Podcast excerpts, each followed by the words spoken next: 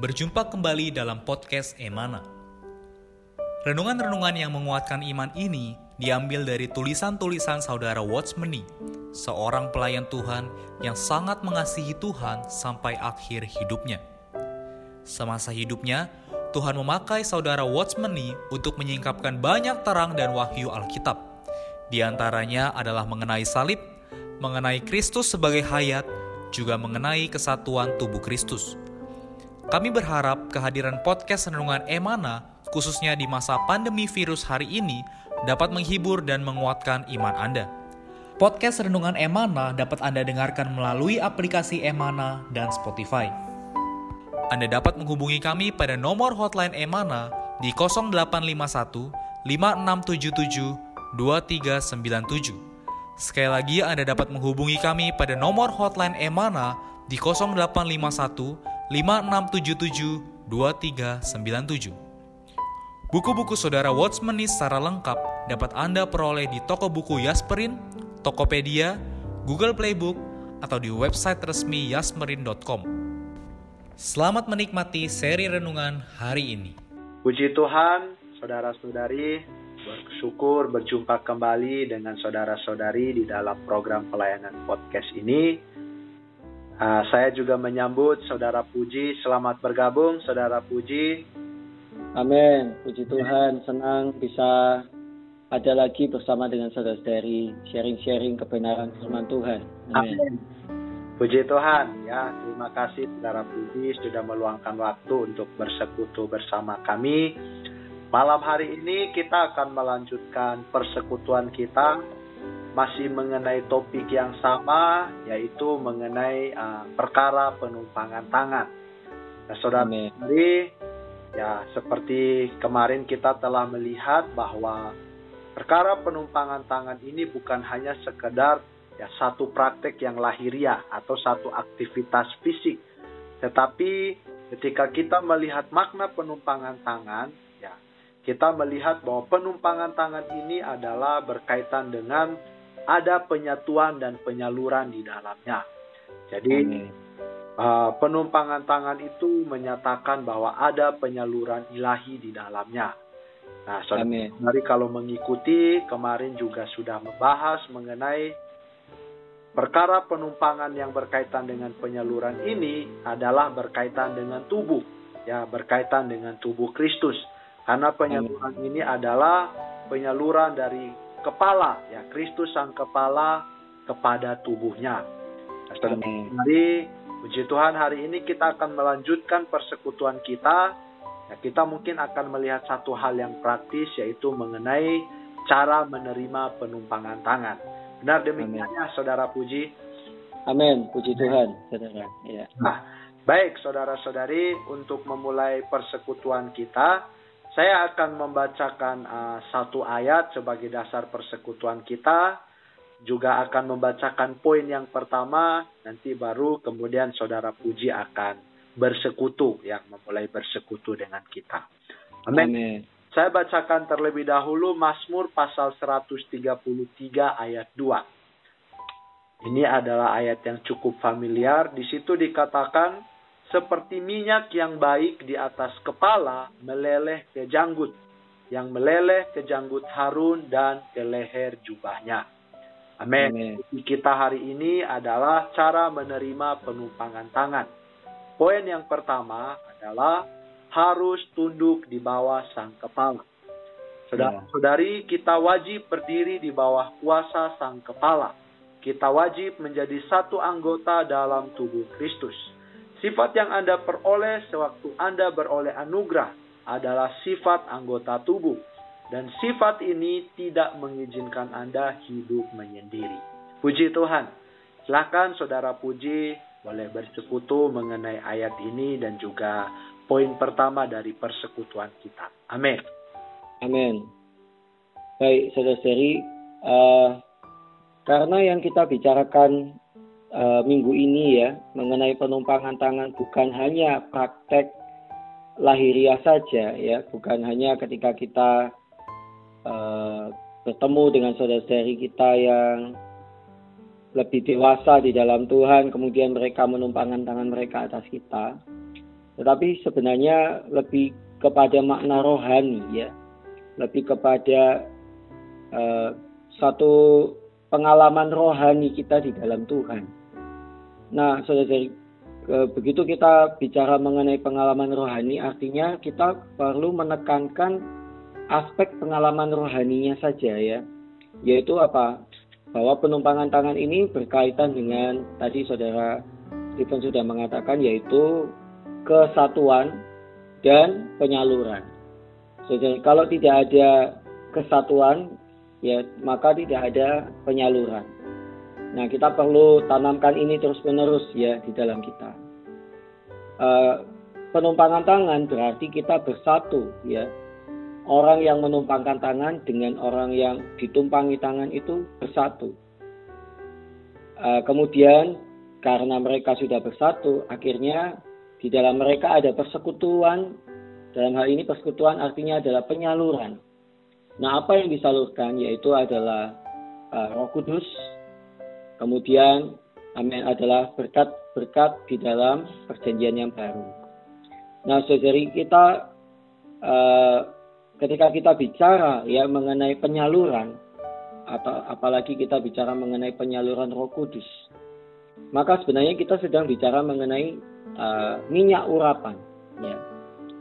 Di dalam surat uh, eh, 1 dan 2 Yohanes, Yohanes banyak membicarakan mengenai minyak urapan. Ya. Uh, Yohanes mengidentikan ya, menyamakan antara Roh Kudus ini dengan minyak urapan. Ya, di dalam kita ini ada minyak urapan dan minyak urapan itu mengajar kita ya dan minyak urapan ini mengajar kita dalam segala sesuatu dan pengajarannya itu benar. Ya, dia tidak berdusta. Nah, kalau kita mengikuti pengajaran pengurapan ini di dalam kita, ya maka kita uh, menjadi bisa tinggal di dalam dia atau di dalam kesatuan dengan uh, Kristus dan kesatuan dengan tubuhnya. Saya bacakan ya, sudah seri di dalam satu Yohanes pasal 2 ayat 27 di sana dikatakan sebab di dalam diri kamu tetap ada pengurapan yang telah kamu terima daripadanya. Karena itu tidak perlu kamu diajar oleh orang lain, tetapi sebagaimana pengurapannya mengajar kamu tentang segala sesuatu dan pengajarannya itu benar, tidak dusta. Dan sebagaimana ia dahulu telah mengajar kamu, demikianlah hendaknya kamu tetap tinggal di dalam dia. Amin. Nah, saudari, uh, di sini dikatakan kita ada kesatuan ya, tinggal tinggalnya kita di dalam Kristus. Uh, otomatis kalau kita di dalam Kristus berarti kita juga di dalam tubuh Kristus. Nah, di sana ada bicara mengenai pengurapan ya, pengurapan yang kita terima dari Tuhan. Saudara di kitab Yohanes juga dibicarakan mengenai Roh Kudus ini ada di dalam kita, ya dan dia uh, mengajar kita. Nah, saudara karena itu pengurapan ini identik dengan Roh Kudus, ya. Jadi pengurapan ini identik dengan Roh Kudus.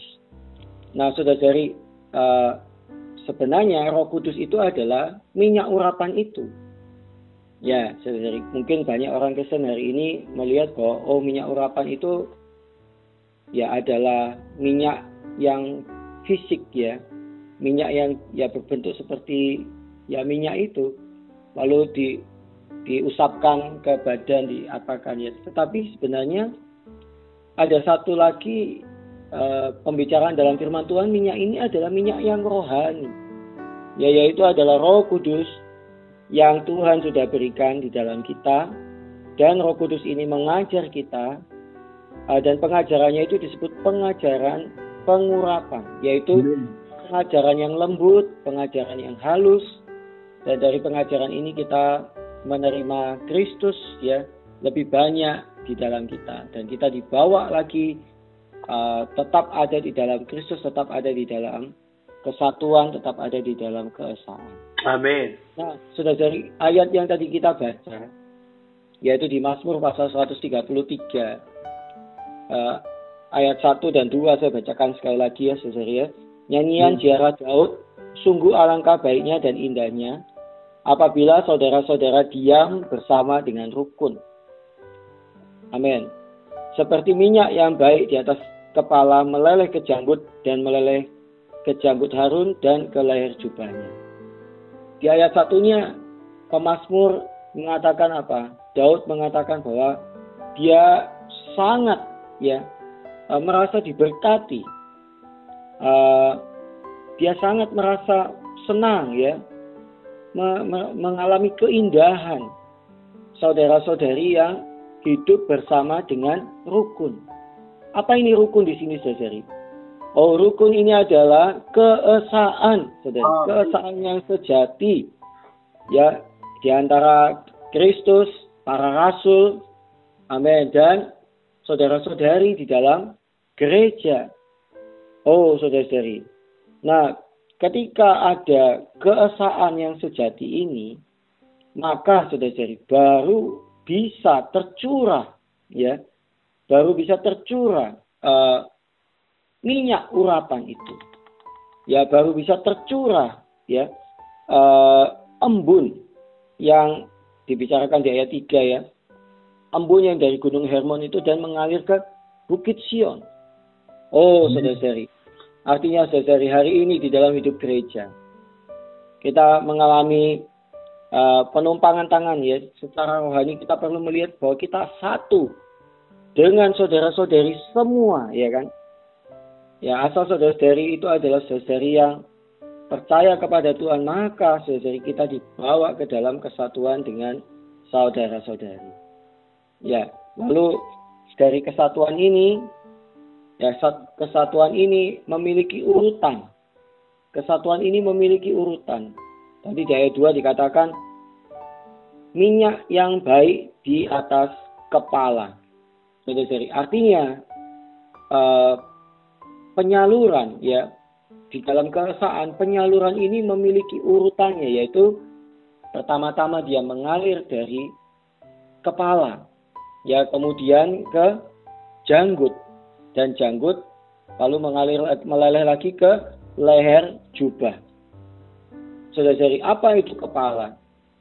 Ya, kepala gereja adalah Kristus ya. Kristus adalah uh, kepala dari gereja yang adalah anggota tubuhnya. Kita bisa baca di Efesus pasal 1 ya. Jadi, uh, tetapi di dalam administrasinya ya, gereja ini juga ada kepala ya. Yaitu apa saudari? Uh, ada wakil Kristus. Ya wakil Kristus itu adalah amin saudara-saudara penatua. Kalau di sini dibicarakan apa? Janggut saudara-saudari. Janggut itu kan muncul ketika orang itu dewasa.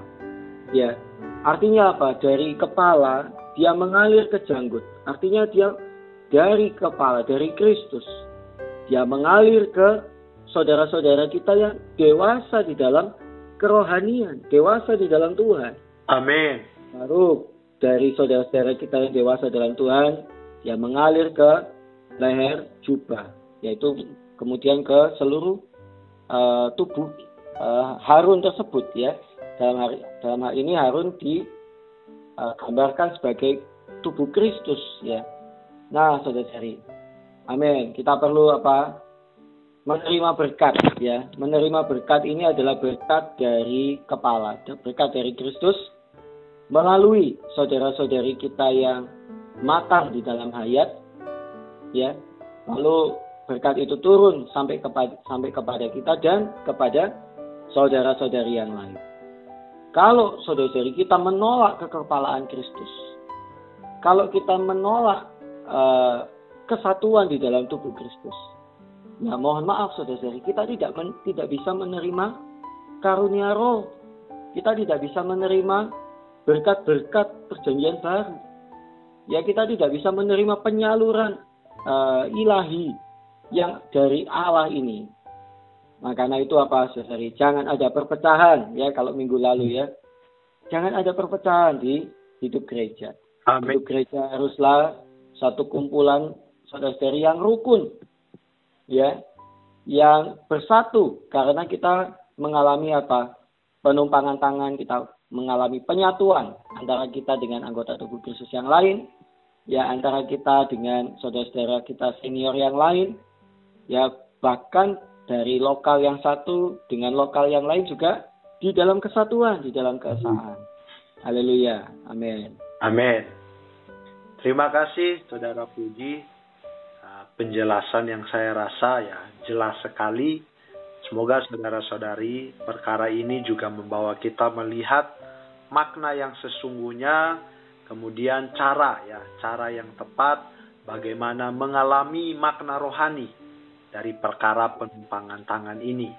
Jadi Amen. kita harus kejar itu bukan praktik lahiriahnya tetapi makna rohaninya saudara-saudari. Ya, makna rohani dari penumpangan tangan itu sendiri. Baik, saya akan melanjutkan membacakan poin yang kedua dan yang ketiga. Poin yang kedua dikatakan bahwa kita harus nampak pentingnya kesatuan. Kita wajib menyadari pentingnya kesatuan setelah Anda nampak pentingnya kesatuan, barulah Anda bisa menerima berkat penyaluran itu. Jadi kesatuan adalah pokok utama dalam penumpangan tangan. Walaupun penumpangan tangan mengandung fungsi penyaluran, tetapi makna utama penyalur penumpangan tangan ialah kesatuan. Poin yang ketiga, kita harus nampak bahwa hidupku bersandar pada segenap tubuh. Amin. Ketika menerima tumpangan tangan, aku harus jelas bahwa sejak hari ini aku menjadi seorang anak di antara sekian banyak anak Allah dan aku menjadi salah satu anggota di antara sekian banyak anggota. Karena Amen. itu hayatku harus hidup bersandar pada seluruh tubuh. Itulah faedah yang dihasilkan oleh penumpangan tangan bagi Anda. Amin. Sewaktu Anda menerima penumpangan tangan, Anda wajib berkata, Ya Tuhan, aku mengaku bahwa aku hanyalah satu anggota dalam tubuh. Ada tubuh, baru aku bisa hidup. Ada tubuh, baru aku bisa menerima minyak urapan. Karena minyak urapan tersebut terdapat di atas kepala Anda. Anda tunduk di bawah kepala dan bersatu dengan semua anak Allah untuk tunduk di bawah kuasa sang kepala. Ketika Anda berdiri pada posisi demikian, minyak urapan dengan sendirinya akan mengalir ke atas diri Anda. Amin. Amin. Oke, uh, baik saya persilakan Saudara Puji. Mungkin ada perkataan sekaligus bersekutu mengenai dua poin yang telah saya bacakan tadi. Amin. Ya, baik Saudari. Uh, kalau kita melihat di sini ya, bahwa di sini tidak ada uh, aspek penumpangan tangan ini untuk kesembuhan, serian. Uh, hari ini kan banyak orang yang mengidentikan penumpangan tangan itu dengan penyembuhan. Uh, tapi di sini tidak, saudara-saudari. Di sini penumpangan tangan yang kita perhatikan itu adalah penyatuan, ya, adalah penyatuan. Uh, maka di aspek yang maaf di cara yang kedua ya cara kita menerima penumpangan tangan yaitu kita perlu nampak pentingnya kesatuan jadi artinya bukan untuk kesembuhan ya bukan untuk uh, berkat-berkat materi ya bukan untuk hal-hal yang sifatnya lain ya tetapi adalah kesatuan di dalam tubuh Kristus. Amin. Nah, saudara-saudari, saya ingin membaca sedikit ya di Kisah Para Rasul pasal 9. Amin. Di Kisah Para Rasul pasal 9 ayat yang ke Amin. Ayat yang ke 17 ya dan 18 ya. Mari saya bacakan untuk selesai.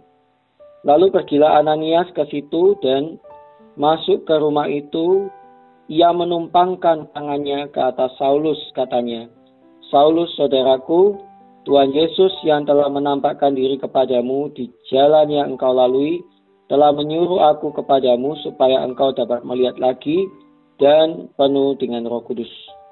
Dan seketika itu juga seolah-olah selaput gugur dari matanya, sehingga ia dapat melihat lagi. Ia bangun lalu dibaptis.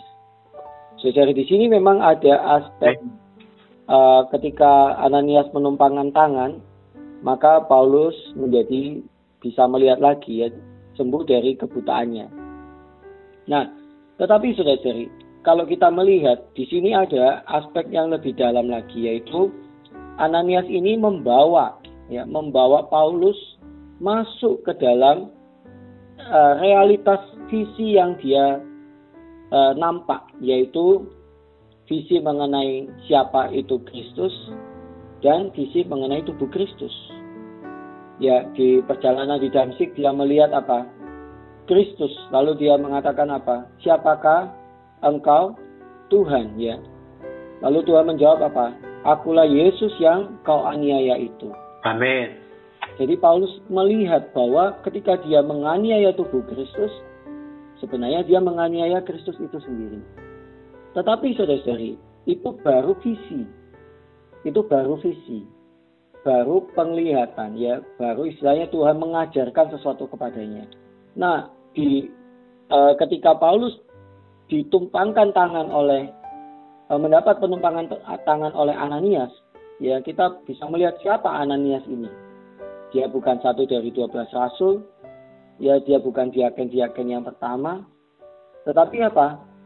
Ananias ini menumpangkan tangan ke Paulus, yaitu Ananias membawa Paulus ini mengalami ya visi yang dia sudah terima uh, sebelumnya, yaitu apa? Dia hari ini bisa nampak tubuh Kristus ya. Orang yang kecil di dalam anggota tubuh Kristus ini membawa Paulus masuk ke dalam keesaan tubuh ya. Menerima Paulus masuk ke dalam uh, tubuh Kristus saat itu. Ya, baru dibaptis. Ya, apalagi dibaptis, dibaptis juga Paulus mengalami apa? Masuk juga ke dalam kesatuan dengan Kristus dan kesatuan dengan tubuhnya. Oh, saudara-saudari. Jadi penumpangan tangan ini ya adalah apa? Adalah kita perlu nampak pentingnya kesatuan, saudara-saudari. Kalau kita tidak nampak pentingnya kesatuan, ya maka eh, fungsi penumpangan tangan ini tidak tidak tidak tepat sasaran. Ya mungkin orang hari ini menumpangkan tangan untuk menyembuhkan. Tetapi setelah dia sembuh, ya kan, dia tidak ada di dalam hidup gereja. Ya, setelah orang ini sembuh, dia tidak nampak kesatuan dengan tubuh Kristus. Nah, bagaimana buat apa penumpangan tangan atas orang itu, ya kan? Nah, saudara, yang penting adalah orang tersebut harus nampak bahwa penumpangan tangan itu adalah untuk menyatukan, untuk menekankan aspek kesatuan ya orang ini dengan tubuh Kristus dan anggota tubuh Kristus yang lain. Lalu yang kedua, eh, yang ketiga, kita dibawa bersandar ya kepada segenap tubuh. Nah, kalau kita bicara poin tiga ini, ini benar-benar seperti pengalaman Paulus. Paulus tidak bisa menyembuhkan dirinya sendiri. Ya, Paulus benar-benar belajar ya bersandar kepada segenap anggota tubuh Kristus yang lain. Ya, Paulus tidak diminta pergi kepada Kefas, Paulus tidak diminta pergi kepada uh, Yakobus atau Yohanes, ya orang-orang yang terpandang saat itu, tetapi Paulus diminta untuk pergi ke kepada saudara yang kecil, ya kepada saudara yang tidak terkenal yang namanya hanya disebutkan beberapa kali di dalam kitab kisah para rasul. Saudara-saudari, artinya apa? Paulus diajari bagi dia dia harus bersandar ya kepada segenap anggota tubuh Kristus yang lain. Uh, ketika dia mengalami penumpangan tangan, dia tidak bisa bermegah ya kepada dirinya sendiri, walaupun dia orang yang besar, tetapi yang membawa dia masuk ke dalam tubuh Kristus. Ya bukan bukan dirinya sendiri melainkan seorang Ananias yang kecil. Ya seorang Ananias yang mungkin kita pandang remeh ya. Amin saudari. Maka kita hari ini ya eh, kita perlu nampak ini. Tiga hal ini. Kita perlu nampak kekepalaan. Dan kita perlu nampak pentingnya keesaan. Jangan ada perpecahan di dalam uh, tubuh Tuhan ya. Jangan ada bergolong-golongan. Ya jangan kita menganggap ada saudara kita yang ya seharusnya dia tidak ada lah di dalam hidup gereja. Atau jangan sampai kita mengira saya tidak cocok dengan gereja di tempat A, gereja di lokal A, lokal B ya. Wah, saudara-saudari, berarti kita tidak mengalami realitas penumpangan tangan. Dan kita perlu apa? Belajar bersandar ya kepada segenap anggota tubuh Kristus. Walaupun anggota tubuh Kristus itu adalah anggota yang kecil, anggota yang remeh, ya anggota yang masih baru di dalam Tuhan, anggota yang tidak terpandang. Oh, tetapi apa? Amin. Kita bisa dibawa ke dalam kesatuan melalui anggota tersebut, ya. Kita bisa menerima berkat melalui anggota tersebut. Kita bisa mengalami penyaluran Roh Kudus melalui anggota tersebut. Amin, saudari. Puji Tuhan. Amin. Terima kasih, saudara Puji, untuk persekutuannya. Ya, semoga persekutuan dari saudara Puji bisa membantu kita melihat dengan jelas, ya saudara-saudari, mengenai perkara penumpangan tangan ini. Sehingga ya kita tidak hanya mengejar untuk mengerjakan praktiknya, tetapi terlebih kita mengejar pengalaman rohaninya. Amin. Ya, sekaligus menutup persekutuan kita, saya minta dalam kasih Saudara Puji boleh berdoa sekali lagi bagi kita semua. Amin. Amin. Mari saudara kita bersatu di dalam doa. Amin. Tuhan Yesus, terima kasih Tuhan. Amin. Tuhan, Kau adalah kepala dari gereja. Amin. Tuhan Yesus, di dalam gereja Tuhan juga ada saudara-saudara kami Tuhan Amin. yang matang, yang dewasa di dalam hayat. Tuhan, oh mereka menyalurkan Kristus Tuhan kepada kami semua anggota-anggota tubuh yang lain ya Tuhan.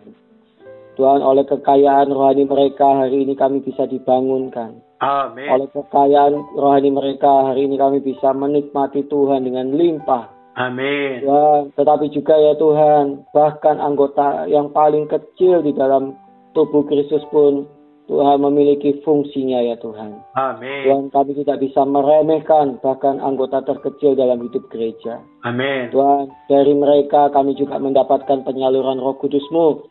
Oh, dari mereka kami juga mendapatkan berkat, berkatmu ya Tuhan. Tuhan Yesus sungguh nampakkan kepada kami visi mengenai tubuh Kristus, Amin. visi mengenai kesatuan di dalam tubuh Kristus. Amin. Sehingga Tuhan di dalam gereja hari ini tidak ada perpecahan, Amin. tidak ada bergolong-golongan. Terima kasih Tuhan Yesus, berkati kami semua ya Tuhan. Haleluya. Amin. Amin. Puji Tuhan. Terima kasih Saudara Puji atas persekutuannya hari ini.